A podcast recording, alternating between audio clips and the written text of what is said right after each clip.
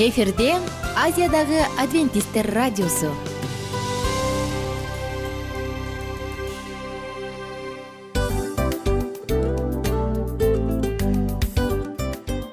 Достор салют. Баардык сүйүктүү угармандарыбызга салам айтабыз. Кутман күнүңүздөр менен. Ден соолук өмүрдүн булагы демекчи саламат саамы программасында баарыңыздарды көргөнүбүзгө абдан кубанычтабыз. Анда алгач амандашып өтөлү арбаңыздар деп. Ден соолугуңуздар кандай элибизде көбүнчө ден соолук кандай дегенде эле жакшы деп жооп беребиз э? ооруп турсак дагы жакшы дейбиз. Анан мен муну айтып ойлойт элем бул абдан сонун сөз депчи анткени бул жакшы деген үмүт да э ооба баары жакшы болот. Баары сонун. Деп үмүттөнүп атып эле өзүбүздү өзүбүз дарылап коебуз.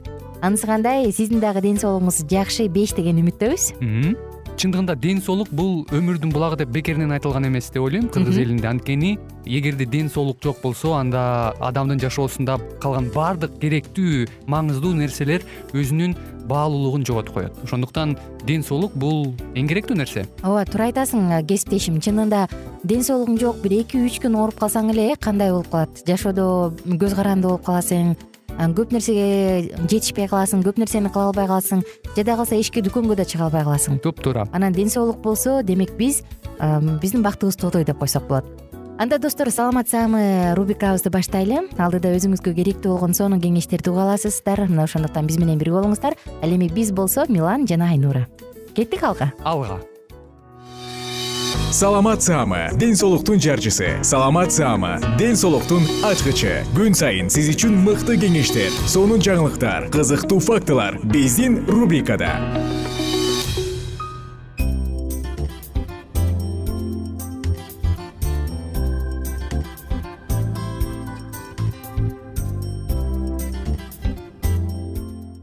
достор баардык угармандарыбызга ысык салам айтабыз сиздер менен бирге саламат саама радио баракчасындабыз. Кайрадан жана биз өзүн сүйгөн ден соолугун барктаган баалаган адамдардын угармандарыбыздын баардыгын дал ушул рубрикабызга чакырабыз. Анткени сиздер менен бүгүн алдыдагы дарыгерлер менен болгон маекте керектүү гана эмес маанилүү жакындарыбызга өзүбүзгө жардам берчү балдарыбызды саламаттыкта чоңойто алчу сонун маалыматтар менен бирге маалымдар болобуз мына ошондуктан угармандар баарыңыздарды биз менен бирге болууга чакырмакчымын. Анткени бүгүн чындыгында алдыдагы дарыгерлер менен болгон маекте өзүңүзгө керектүү сонун маалыматтарды ала аласыздар.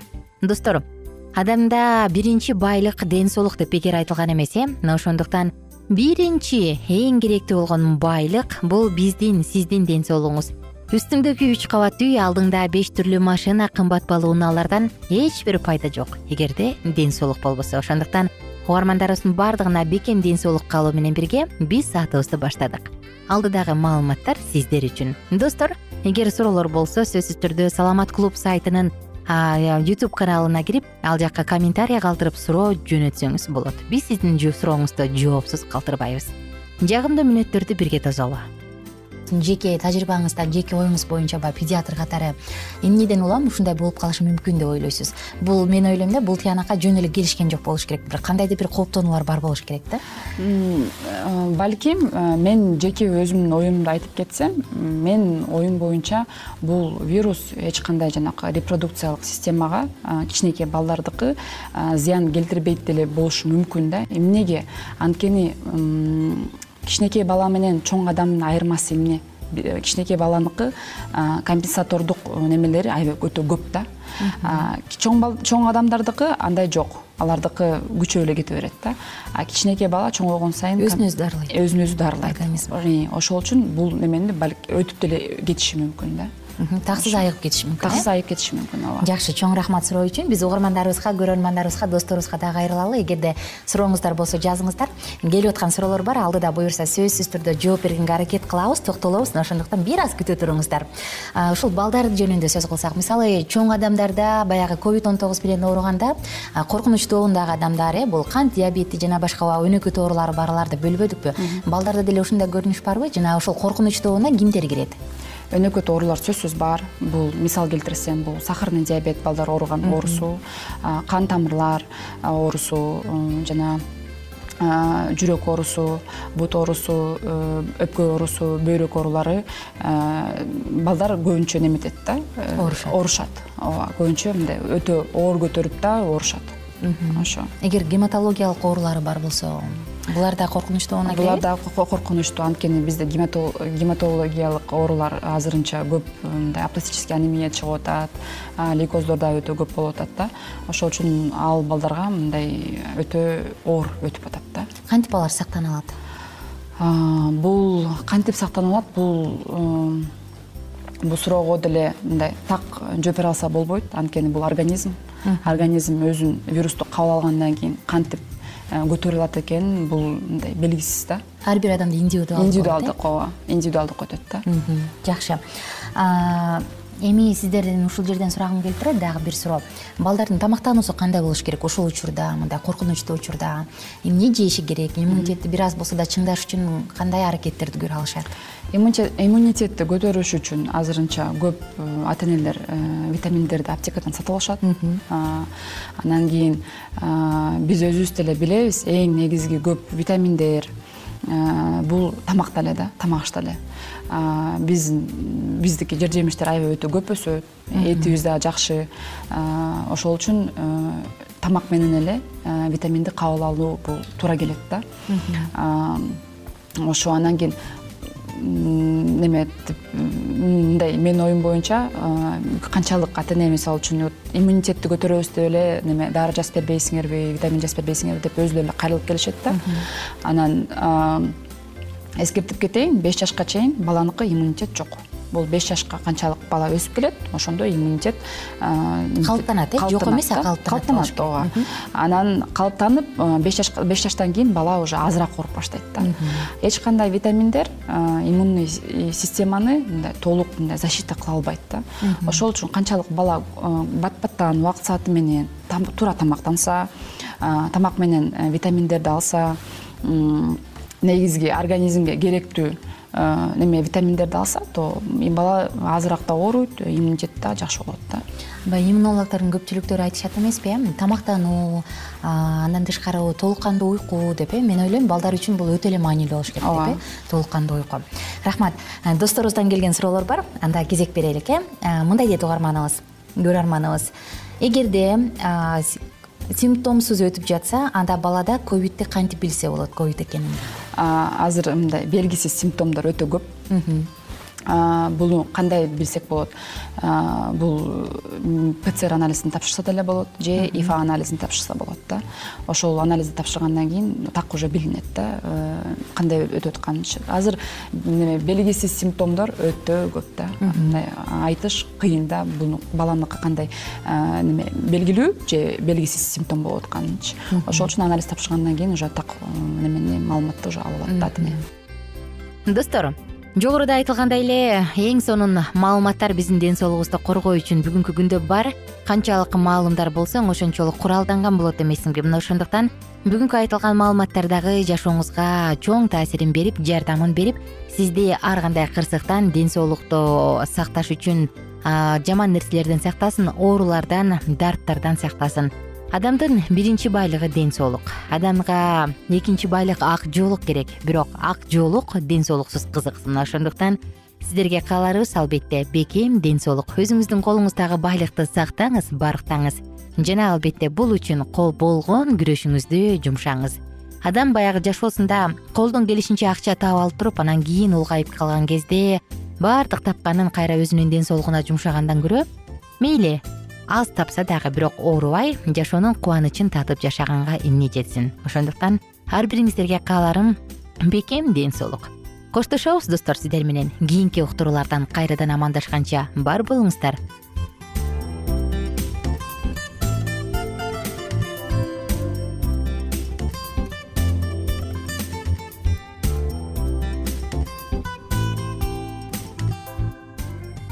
кененирээк маалыматтар үчүн үч w чекит саламат чекит клуб сайтына келип таанышыңыздар. Жана андан тышкары социалдык тармактарда youtube facebook жана instagram баракчаларына катталыңыз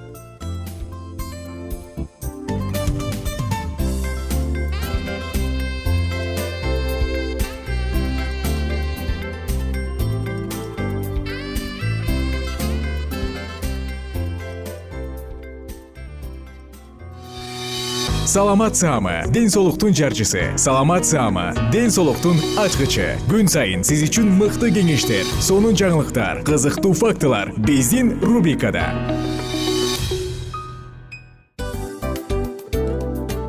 Салам достор.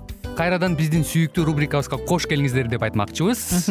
Баардык замандаштарыбызга арбаңыздар деп саламыбызды айтабыз. Улуу ушундай бир урматтаган учурашуу менен анан дил маек радио баракчабызга чакырабыз. Негизи дил маек биздин рубрикабызда эмне жөнүндө кеп кылабыз? Бул дил маектин мааниси эмнеде? Рубрикабыз менен кичине тааныштырып кетсеңиз. Сөзсүз түрдө тааныштыра кетейин кесиптешим суранычы боюнча бул учурда бул радио баракчада биз ар тарап кесип ээлеринен сонун кеңештерди алабыз сүйлөшөбүз сырдашабыз аталарыбыздын эжелерибиздин апаларыбыздын кеңештерин угабыз. Айтор жан дүйнөгө адамдын э, сапатына адамдын деги эле адам болуп жашашына керектүү баардык кеңештер алдыда.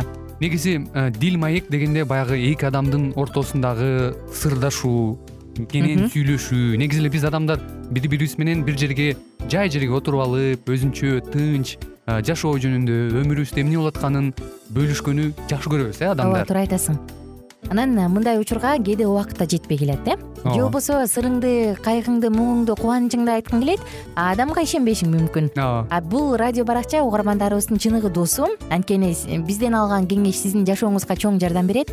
Ал эми сиздин бизге айта турган сөзүңүз ортодо гана сыр бойдон калат. Ошондуктан биздин дил маек рубрикабызга дагы бир жолу кош келиңиздер. Жана биз даярдаган маалыматтарга даяр болуңуздар. Айнура жана милан сиздер менен бирге алдыга кеттик ар түрдүү ардактуу кесип ээлеринен. Алтын сөздөр жүрөк ачышкан сыр чачышкан сонун маек. Дил маек рубрикасында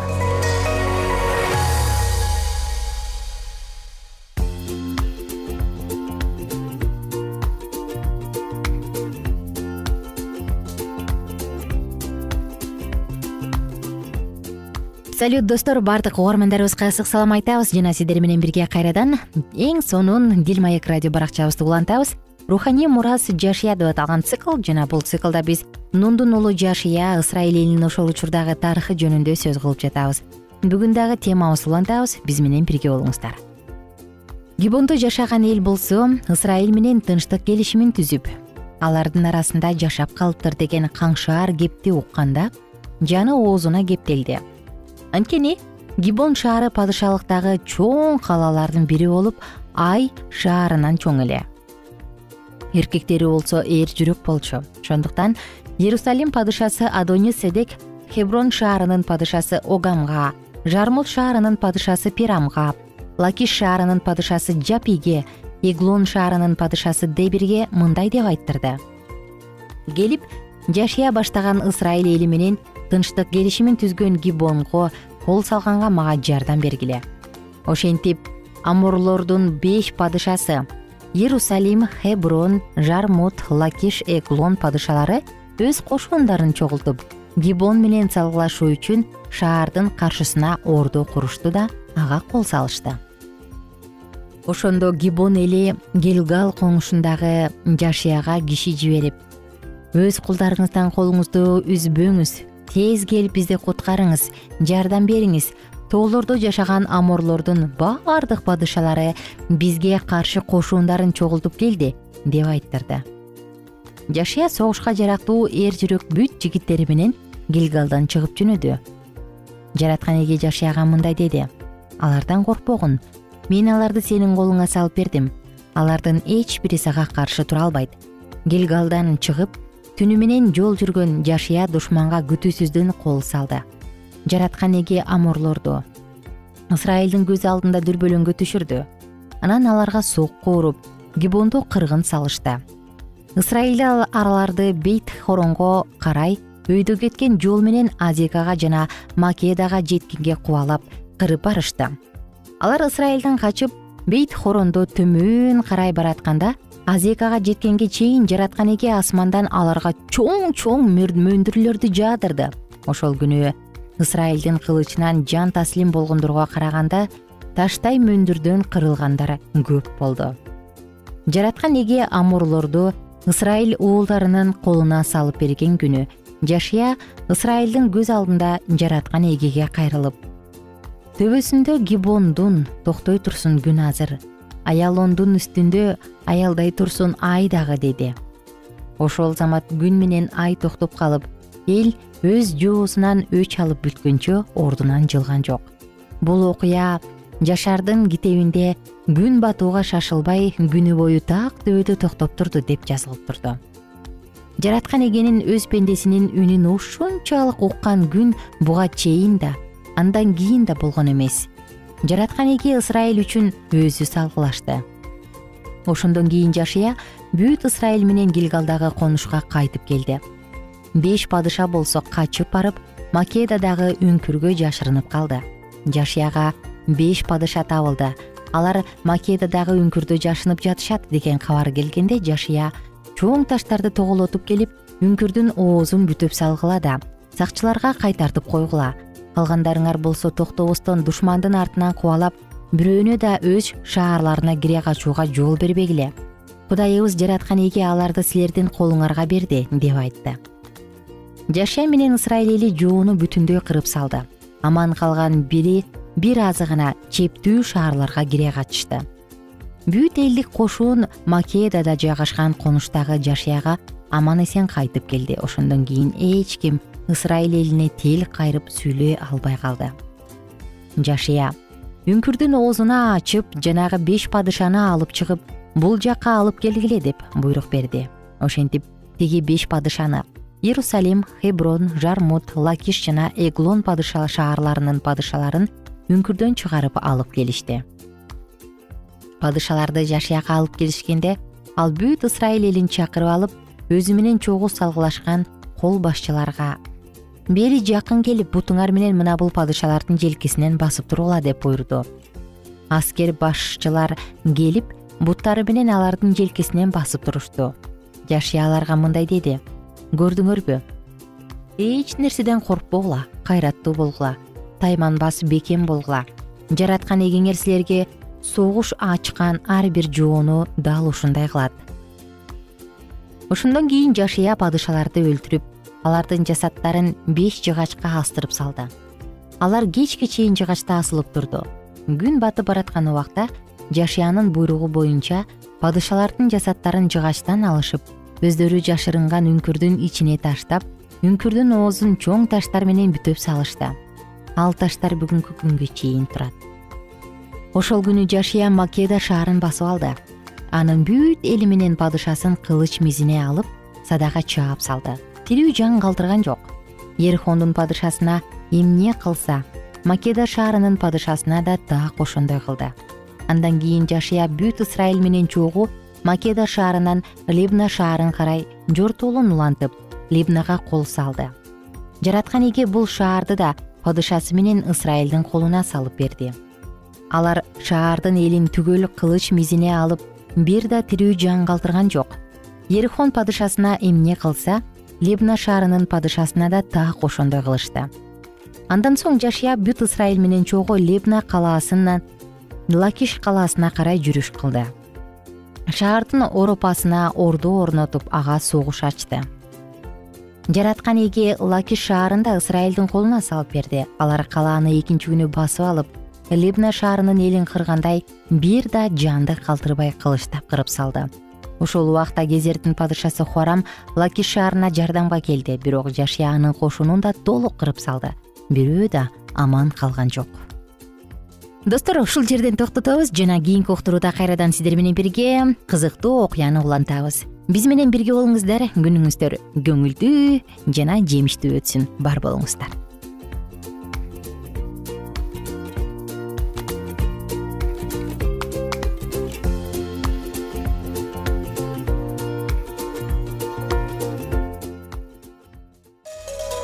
ар түрдүү ардактуу кесип ээлеринен алтын сөздөр жүрөк ачышкан сыр чачышкан сонун маек. Дил маек рубрикасында.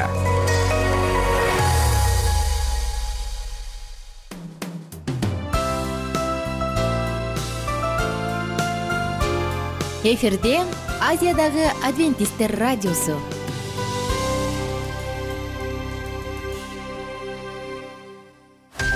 жан дүйнөңдү байыткан жүрөгүңдү азыктанткан жашооңо маңыз тартуулаган жан азык рубрикасы.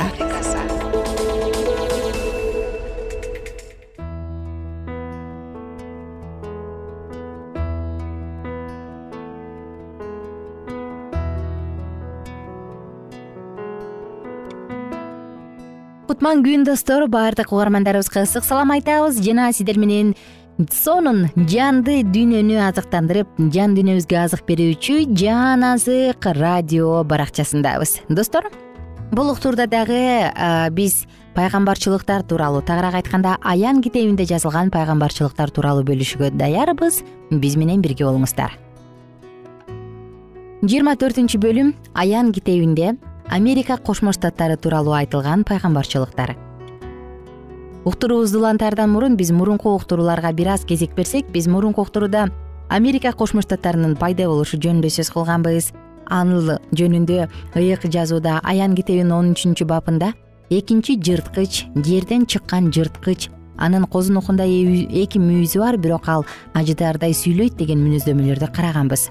Эми достор биз бүгүн саатыбызды андан ары улантабыз экинчи жырткыч биринчи жырткычтын кейпин кантип кийет? Келиңиздер бир аз карайлы жыйын менен мамлекеттин союзу бекитилген учурдагы окуялардын тизмесин карасак. Жакшы ниет менен жетектелген диний лидерлерди эмнелер тартаары алдыда сөз болот. Шайтан эмне кылат? Ал жалган кереметтерди көрсөтөт. Ал жалган кереметтерди берет. А ошол кереметтер өз кезегинде диний лидерлерге таасир этип. Алар америкада табынуу жөнүндөгү мыйзамды алдыга сүрөшөт. Аян китеби он сегизинчи бап бешинчи аятта мындай деп жазылат. Анын күнөөлөрү асманга чейин жетти. Башкача айтканда акыркы учурда коом садом менен гаморго окшошот. Жагдай ной пайгамбар учурундагыдай болот. Ошондо диний лидерлер американы талкалануудан сактап калуунун бирден бир гана ыкмасы бул мыйзам чыгаруучуларга басым көрсөтсөк алар кудайга кайтуубузга жардам берген мыйзам кабыл алышат деп айтышат. Орточо америкалык адам да туура өлкөбүздү карагылачы ал төмөн кулап бара жатат деп айтат. Шайтан канчалык куу экенин көрдүңөрбү ошондон кийин кудайдын сөзүн толугу менен ээрчибеген жыйындарда кереметтер боло баштайт. Жалган кереметтерди көргөн элдер карагылачы кудайдын күчү кандай гана көрүнүп жатат? деп айтышат. Эмне үчүн шайтан мунун баарын кылат? Жыйын менен мамлекетти бириктириш үчүн. Аян китебинде он сегизинчи бап жетинчи аятта дагы мындай жазылган. Ал өзүн канчалык даңктаса канчалык сайран курса бул экономиканын гүлдөгөн учуру. Экономика гүлдөйт а күнөө тойлойт. Бул убак эң чоң жыргалчылык учуру. Үчүнчүсү сегизинчи текстте жазылган. Ал табигый кырсыктарды башынан өткөрөт. Синодалдык котормодо ага өлүм келет деп жазылган. Ушул сөздөр тон берип жатат э? Алар жагдайды аныктап жатышат. Табигый кырсыктар болот жер титирөөлөр өрт сел торнадо жана циклондор. Сенин үстүңөн бир сааттын ичинде өкүм чыгарылды. Мындай сөздөр аян китеби он сегизинчи бап онунчу аятта жазылган. Болуп жаткан нерселерди түшүнө баштадыңызбы? Жыйын менен мамлекеттин ортосунда союз түзүлгөнгө чейин эмне болот?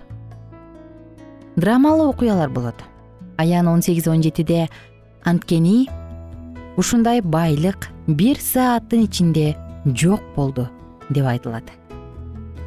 Эмесе экономика гүлдөп турган учурда кылмыш менен зордук зомбулук күчөй баштаганда табигый кырсыктар болуп жатканда экономика кулайт. Баалуу кагаздардын рыногу кулайт. Анан андан кийин эмне болот? Диний лидерлер биз кудайга кайтышыбыз зарыл биз биригишибиз керек. Жыйын менен мамлекет биригиши шарт деп дей башташат. Руханий жактан кулоо табигый кырсыктар социалдык хаос жана экономикалык кыйынчылыктар жыйын менен мамлекеттин ортосунда союз түзүүгө алып келет. Аян китебине ылайык шайтан ушул жагдайдан пайдаланып антихристтин алдында жалган руханий жактан ойгонууну көрсөтөт. Библия шайтандын кыймылдары жөнүндө төмөнкүлөрдү айтат. Аян китеби. Он үчүнчү бап он төрт он үчүнчү аяттар ал уруулуу кереметтерди көрсөтөт. Атүгүл адамдардын көз алдында асмандан жер үстүнө от да түшүрөт. Ага жырткычтын алдында кереметтерди жасоого бийлик берилген. Ал ошол кереметтери менен жер үстүндө жашагандарды азгырып экономикалык кыйынчылык учурунда диний ойгонуу адамдар жалган кереметтерге кубанышат. Эл мыйзам чыгаруучуларга басым көрсөтөт. Ошол убакта эмне болоруна көңүл бурсаңыздар. Аян китеби он алтынчы бап он төртүнчү аят мындай дейт. Бул рухтар жашаандарды көрсөткөн жиндердин рухтары. Алар бүт дүйнөнүн падышачыларына барып аларды баардыгын кармап туруучу кудайдын улуу күнүндө боло турган согушка чогултуп келишет библия. Ыйса машаяктын экинчи жолу келишинин алдында чыныгы күчтүү руханий ойгонуу болот деп айтабы? Ооба анда бул тууралуу жазылган. Жер кудайдын даңкынан ажырайт. Ыйык рух абдан көп келет. Оорулуулар айыгышат бирок анда шайтан чыныгы ойголоорун ойгонуу болорун билип адамдарды жалган төрөлүүгө тартат. Ал хаос учурунда жалган ойгонууну жетектейт. Мунун максаты саясий лидерлер документке кол койгондон кийин мыйзамдуу түрдө адамдардын нравасын башкаруу болот кымбаттуу угарман биз ушул жерден пайгамбарчылыкты андан ары кийинки уктуруубузда улантабыз. Ага чейин жалпыңыздар менен коштошобуз. Күнүңүздөр көңүлдүү улансын бар болуңуздар бай болуңуздар.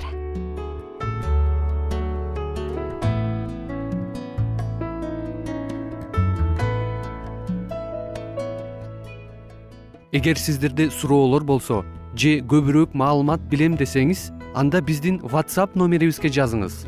Плюс бир үч жүз бир жети жүз алтымыш алтымыш жетимиш. Кайрадан плюс бир үч жүз бир жети жүз алтымыш алтымыш жетимиш.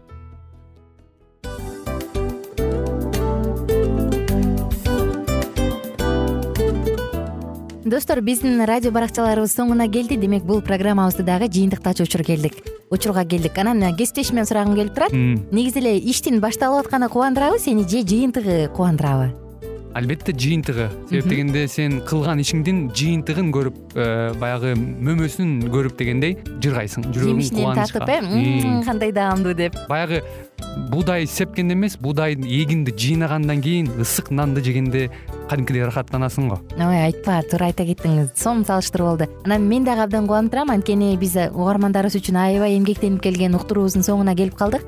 Анан эми э, уктуруубуздун соңунда угармандар кандай пайда алып калды экен деп күтүп турам да. Балким э, менин жашоомо өзгөрүү киргизе турган сонун сөздөр болду. Мен ушул нерсени изилдеп анан кабыл албасам ушул нерсени кылбасам деген чечим чыгарсаңыз анда биз абдан кубанычтабыз. Сөзсүз түрдө. Андыктан кийинки биздин кызыктуу уктурууларыбыздан көрүшкөнчө сак саламатта калыңыздар. Чыдамсыздык менен сиздерди мен милан жана кесиптешим айнура күтөбүз баардык угармандарыбызга ийгиликтүү күн каалайбыз. Качан гана болбосун уртуңуздан жылмаюу кетпесин үйүңүздө көмүр жүрөгүңүздө көңүл болсун дейли